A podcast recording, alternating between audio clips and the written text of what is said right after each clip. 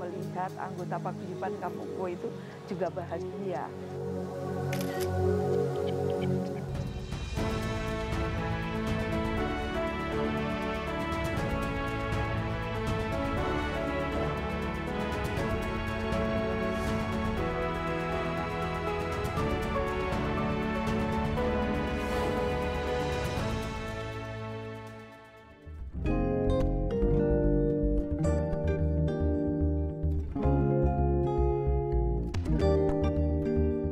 Tengah keheningan malam, di suatu sudut perkampungan kota Surabaya justru menampakkan sisinya yang berbeda. Tepatnya di Rungkut Lor Gang 2 Surabaya ini. Geliat aktivitas warga di kampung ini seolah tidak pernah berhenti. Mayoritas ibu-ibu di sini adalah produsen berbagai jenis kue basah. Sebagian besar proses produksi kue mereka lakukan malam hingga dini hari. Bukan sembarang kampung, berkat penjualan kue-kue tradisional ini, kampung penghasil jajanan tradisional ini mampu memutar uang belasan juta rupiah dalam satu hari. Kampung ini dikenal sebagai Kampung Kue Surabaya.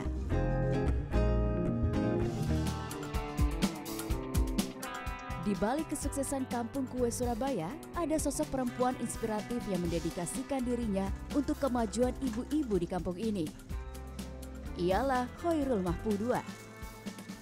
Sosoknya yang tangguh dan berjiwa sosial tinggi membawa kampung kue Surabaya semakin dikenal halayak luas. Khairul Mahpudua atau Irul mulai merintis kampung kue ini pada 2005 usai ia di PHK sebagai buruh pabrik. Tidak mau terpuruk begitu saja, Irul berusaha untuk bangkit. Pada saat itu, Irul melihat di kampungnya banyak ibu-ibu yang kesulitan secara ekonomi. Kebanyakan warga di sana bekerja sebagai pekerja kasar dan buruh. Saat itulah Irul mulai termotivasi untuk memberdayakan ibu-ibu lainnya di kampung ini.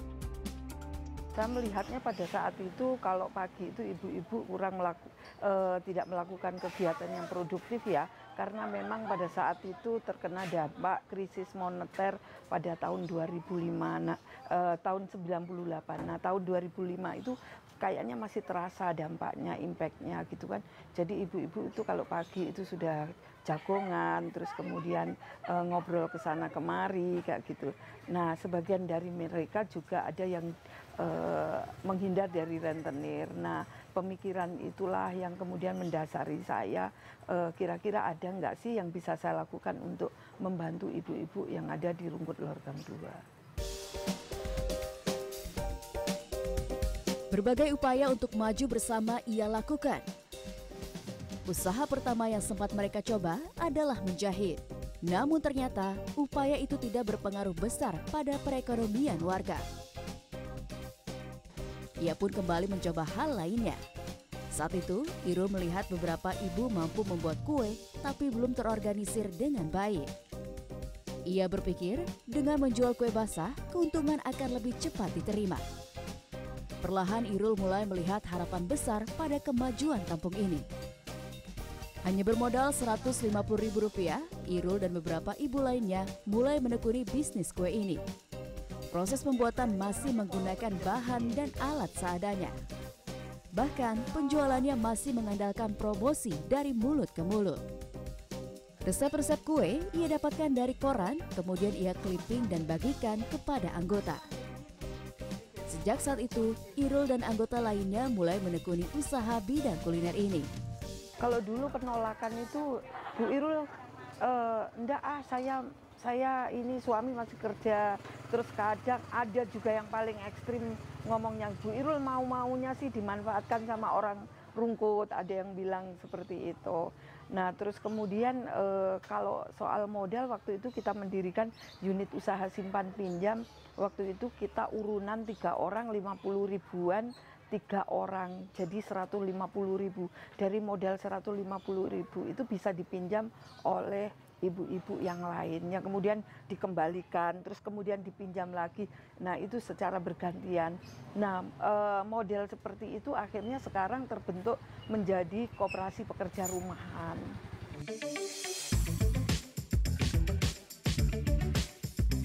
Perlahan tapi pasti, dari anggota yang semula hanya tiga orang, kemudian bertambah menjadi 20 orang.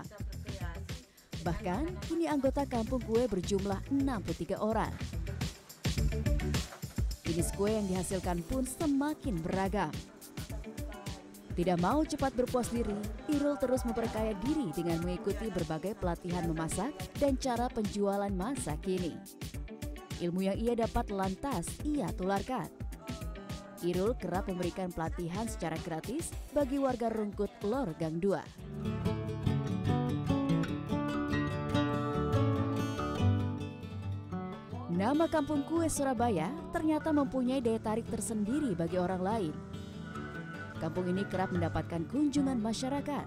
Tak jarang, Irul meminta pihak lain untuk memberikan bantuan pelatihan itu sudah melakukan kegiatan selama dua tahun.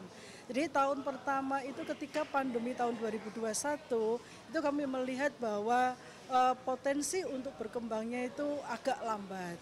Akhirnya kami ingin mengembangkan di sisi marketingnya. Jadi kemampuan untuk memasarkan produk secara digital itu belum dipahami oleh mereka. Akhirnya kami me, uh, mengangkat kompetensi mereka dulu. Baru pada tahun kedua ini kami mencoba untuk membuatkan program aplikasi mulai dari marketing digital sampai penyusunan laporan keuangan yang kita sebut dengan e-comprehensive reporting. Itu yang kami kembangkan selama ini.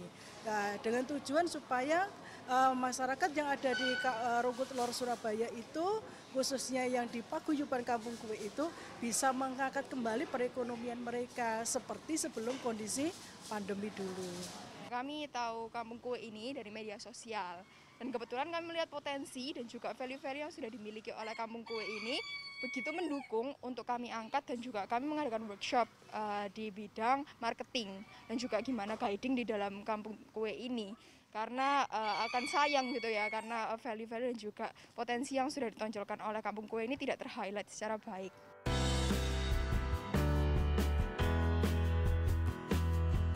Waktu terus berlalu, matahari pun telah beranjak ke peraduannya. Namun Irul masih semangat kembali ke dapurnya. Kali ini ratusan kue lumpia mulai ia buat. Baginya, ia tidak akan menolak rezeki melalui pesanan yang datang. Bu Irul, ini kan tadi sempat pagi-pagi masak kue, memberikan pelatihan. Iya. Ini ada pesanan lagi berapa biji nih Bu? Ini ada 265 260. ditambah 15. Ada ratusan nah. Iya. Sebenarnya apa sih Bu yang memotivasi Bu Irul sendiri untuk berjuang ini untuk kampung kue? Ya pada awalnya memang ketika saya pergi ke Surabaya itu ibu saya bilang begini, nggak apa-apa pergi ke Surabaya, tapi itu negaranya orang. E, ibu saya bilang gitu, tapi kamu harus jadi orang yang jujur, orang yang bertanggung jawab, tentu saja menjadi orang yang selalu memberi manfaat kepada orang lain. Nah, e, itu selalu menjadi prinsip hidup saya uh, ketika saya bekerja di pabrik, kemudian saya bekerja sebagai pedagang kaki lima, hingga sekarang kemudian tahun 2005 menggagas berdirinya Kampung Kue.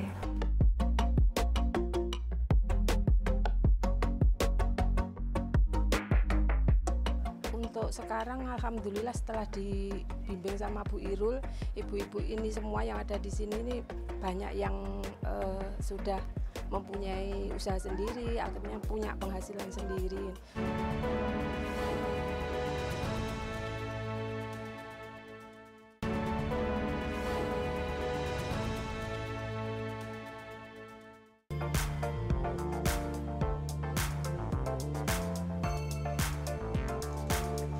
Kesuksesan tidak mengenal latar belakang. Setiap orang berhak meraih kesuksesan sepanjang mau berusaha dan bekerja keras. Keyakinan itulah yang selalu ditanamkan Hoirul Mahpudua kepada para anggota kampung kue lainnya. Untuk untuk sekarang alhamdulillah setelah dibimbing sama Bu Irul, ibu-ibu ini semua yang ada di sini ini banyak yang uh, sudah mempunyai usaha sendiri, akhirnya punya penghasilan sendiri. Akhirnya saya juga gabung uh, selama kurang lebih kalau tidak salah tiga tahunan ini saya fokus keluar dari perusahaan Dan alhamdulillahnya setelah saya mulai merintis kembali di kampung kue ini, eh, apa untuk penghasilnya lumayan lebih lebih baik lagi.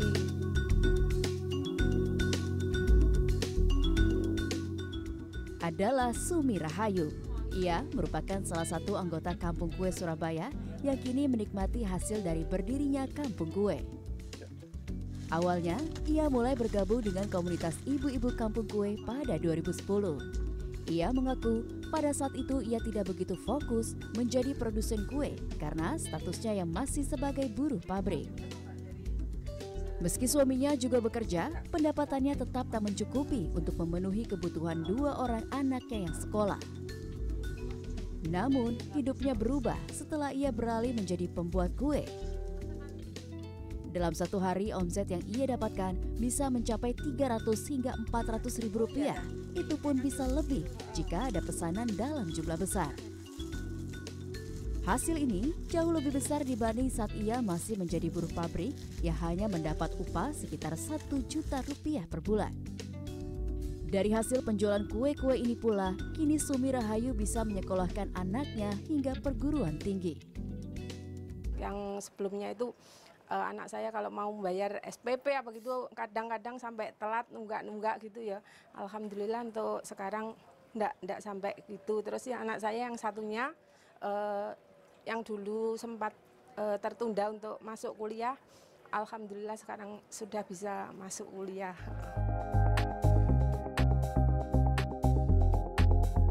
Pengaruh Hoirul Mahpudua dalam pemberdayaan di kampung kue ini ternyata juga dirasakan oleh anggota lainnya. Ialah Sumarti. Ia merupakan salah satu anggota di tahun awal kampung kue terbentuk. Pada saat itu, Suparti baru saja di PHK dari tempatnya bekerja. Semangatnya sempat luntur, namun berkat motivasi dari Irul, ia kembali bangkit. Ia ingat kue pertama yang ia buat adalah kue klepon. Namun siapa sangka kue tersebut mendapatkan respon yang baik dari warga. Pendapatannya pun meningkat drastis, bahkan dalam satu hari omset yang ia dapatkan bisa mencapai satu juta rupiah. Selain itu, kini ia juga telah memiliki lapak dagang sendiri. Dulu kan belum ada lapak mbak ya, masih ada rengkek-rengkek gitu loh mbak ya. Terus mari ngono kalau sekarang kan sudah punya lapak, apalagi juga majunya juga juga maju sekarang. Daripada yang dulu kalau dulu kan yang pakai rombong-rombong itu kan ngambilnya di rumah-rumah. Kalau sekarang kan sudah punya lapak kan ngambilnya di depan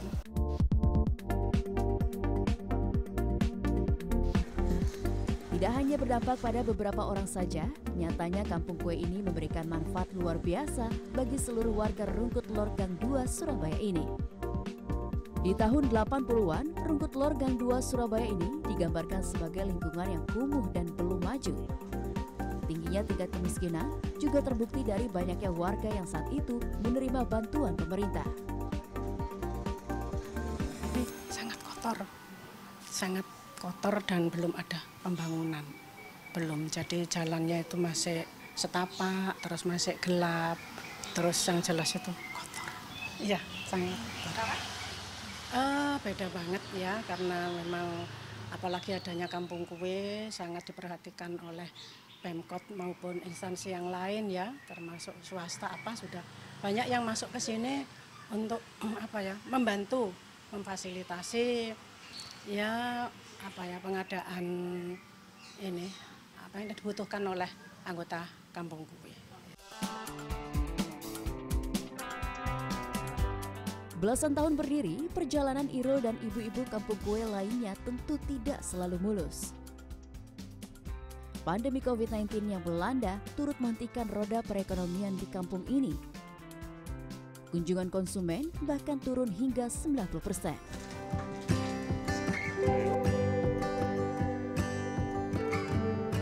Kondisi pandemi justru memicu Irul untuk bangkit dan beradaptasi. Penjualan kue yang tadinya dilakukan secara langsung kini dilakukan secara daring.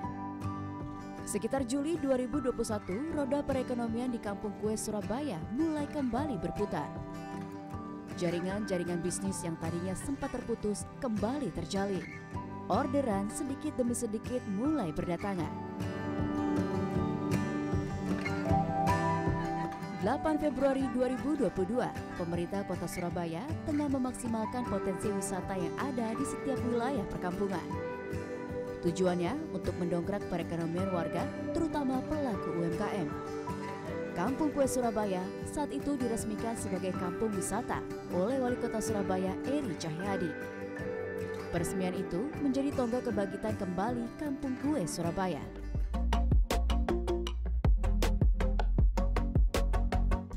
Perlahan tapi pasti, kepercayaan masyarakat kepada Kampung Kue Surabaya mulai meningkat. Dalam sehari bahkan Kampung Kue mampu menghasilkan 2 juta kue dengan 70 jenis berbeda. Selain dijual langsung di Kampung Kue Surabaya, kue-kue ini juga akan dipasarkan di sejumlah pasar tradisional Surabaya. Bahkan, kini pemasaran kue sudah sampai ke kabupaten tetangga seperti Gresik dan Sidoarjo.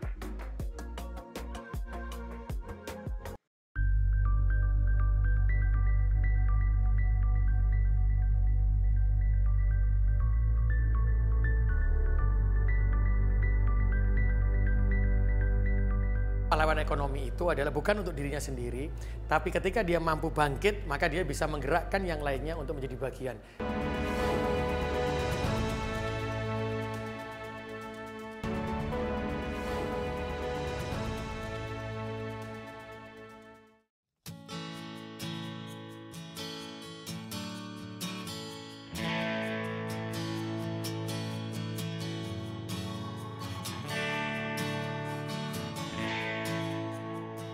Sebagai ibu, sebagai istri, dan sekaligus sebagai penggerak ekonomi kampung kue. Peran Hoirul Mahfudua tentu tidak mudah.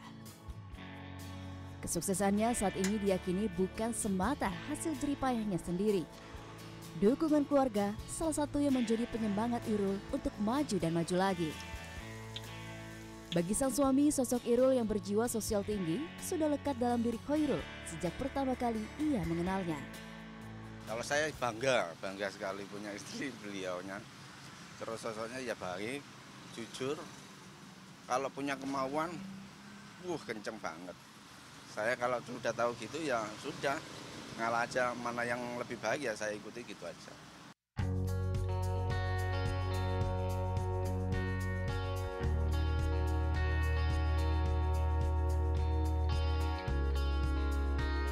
Tidak mau setengah-setengah mendukung keinginan sang istri, Riyadi yang tadinya juga merupakan buruh pabrik pun rela keluar dari tempatnya bekerja untuk mendukung usaha sang istri dan berbagi peran dalam urusan domestik rumah tangga.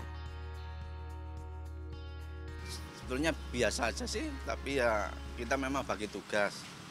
Saya lebih ke ngurus ke anak-anak, anak-anak saya itu gitu, gitu aja. Kalau seharian sibuk sih sudah sejak dulu-dulu kita sudah menghadapi hal itu gitu. Gitu. dukungannya seperti apa Pak? Ya dukungannya kan dukungannya kadang-kadang kita ya kalau harus berangkat pagi-pagi sekali saya ya harus pagi-pagi juga harus mempersiapkan itu untuk anak-anak juga gitu jadi yang mempersiapkan apa jadi yang biasanya dihandle dia saya yang harus menggantikan itu semua gitu Berbagi peran dan saling mendukung dalam keluarga membuat langkah Irul untuk bergerak membangun kampung kue ini semakin mudah. Ya kadang kalau dipikir eh, rasanya sulit gitu ya, tapi ketika kita jalani ternyata sudah biasa. Jadi rutinitas itu saya jalankan ketika menggagas kampung kue tahun 2005 sampai sekarang eh, paling tidak itu ada eh, 16 tahun lebih ya 16 tahun lebih. Artinya apa? Yang semula rasanya ini sulit, menjadi beban. Lama-kelamaan kita dengan senang hati menjalaninya. Apalagi eh, saya melihat bagaimana perkembangan ibu-ibu eh, yang menjadi anggota paguyuban kampung kue itu makin lama makin maju ya. Pikirannya makin terbuka, usahanya makin maju, makin berkembang. Nah, rasa rasa apa? Uh, capek, terus kemudian uh, penat itu saya kira bisa diatasi. Perjuangan Hoirul Mahpudua untuk menggerakkan perekonomian di Rungkut Lor Gang 2 Surabaya melalui kampung kue ini semakin diakui. Penghargaan demi penghargaan diterimanya. Tahun 2019, Irul dianugerahi pemerintah kota Surabaya sebagai pahlawan ekonomi. Setahun kemudian, pemerintah Jawa Timur juga memberikan penghargaan bagi pendiri kampung kue ini sebagai perempuan inspirator pembangunan Jawa Timur. Bu Rirul ini sangat luar biasa semangatnya ketika membuka kue kan tidak langsung ya. Tapi bagaimana beliau bisa mengajak tetangga-tetangganya untuk melakukan kue, membuat kue di sana dan meyakini bahwa di situ akan menjadi tempat yang sangat luar biasa, tempat wisata. Ini yang kata, saya katakan sebenarnya sebagai pahlawan ekonomi sejati. Karena pahlawan ekonomi itu adalah bukan untuk dirinya sendiri, tapi ketika dia mampu bangkit, maka dia bisa menggerakkan yang lainnya untuk menjadi bagian. Dan Bu Irul ini adalah benar-benar pahlawan ekonomi sejati. Dan insya Allah dengan kemampuan beliau, dengan semangat beliau, maka akan muncul Bu Irul-Bu Irul yang baru di tempat-tempat yang lainnya.